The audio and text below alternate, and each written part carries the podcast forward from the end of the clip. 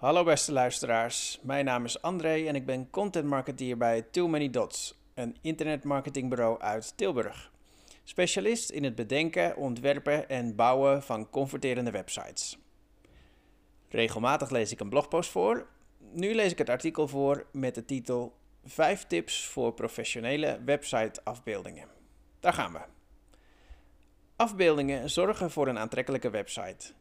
Ze sporen bezoekers aan om actie te ondernemen. Aangezien bezoekers binnen 7 seconden beoordelen of ze wel of niet op een website willen blijven, helpt het om ze met beeld binnen te slepen. Als specialisten in converterende websites raden we bedrijven aan om websiteafbeeldingen te kiezen die passen bij het bedrijf en het design. Tip 1. Afbeeldingen voor Retina-scherm.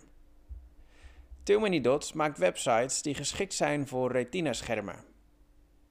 Een hele hoop producten van Apple maken hier gebruik van. Een Retina-geoptimaliseerde website beoordeelt of bij vertoning de standaardafbeelding volstaat of dat de extra grote versie voor Retina-schermen vereist is. Zo komt de snelheid van de website niet in het gedrang. Wanneer je geen Retina-optimale website hebt, kun je ervoor kiezen iedere afbeelding in dubbele grootte te uploaden. Nadeel is dan wel dat het plaatje zorgt voor een trage laadtijd op alle andere schermen.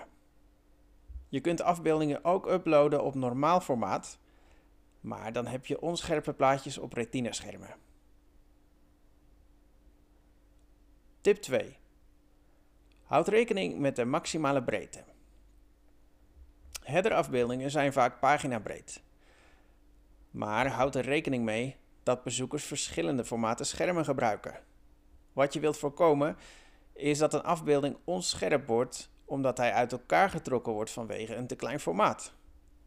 Zorg daarom dat je een headerafbeelding hebt met een minimale breedte van 1920 pixels. Dat is 1920. Ruim 95% van de internetgebruikers heeft een scherm van die breedte of smaller. Tip 3.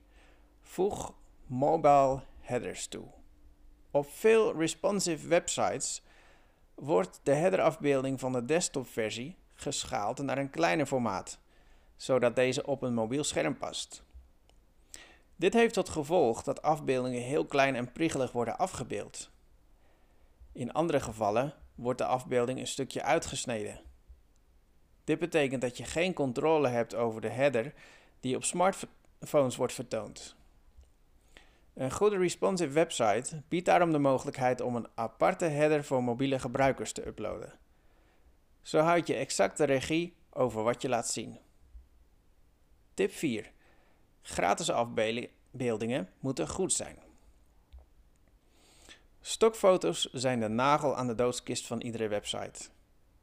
Een plaatje met lachende mensen om een vergadertafel op 200 meter boven New York terwijl jullie op een bescheiden kantoor in Blaricum werken?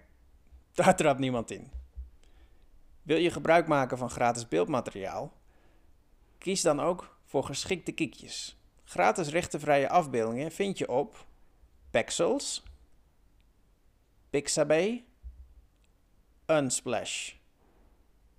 Je downloadt de foto's met een handomdraai, maar het is natuurlijk altijd beter om je eigen beelden te gebruiken. De keuze voor gratis stokfoto's dient dan ook een tijdelijke te zijn. Tip 5.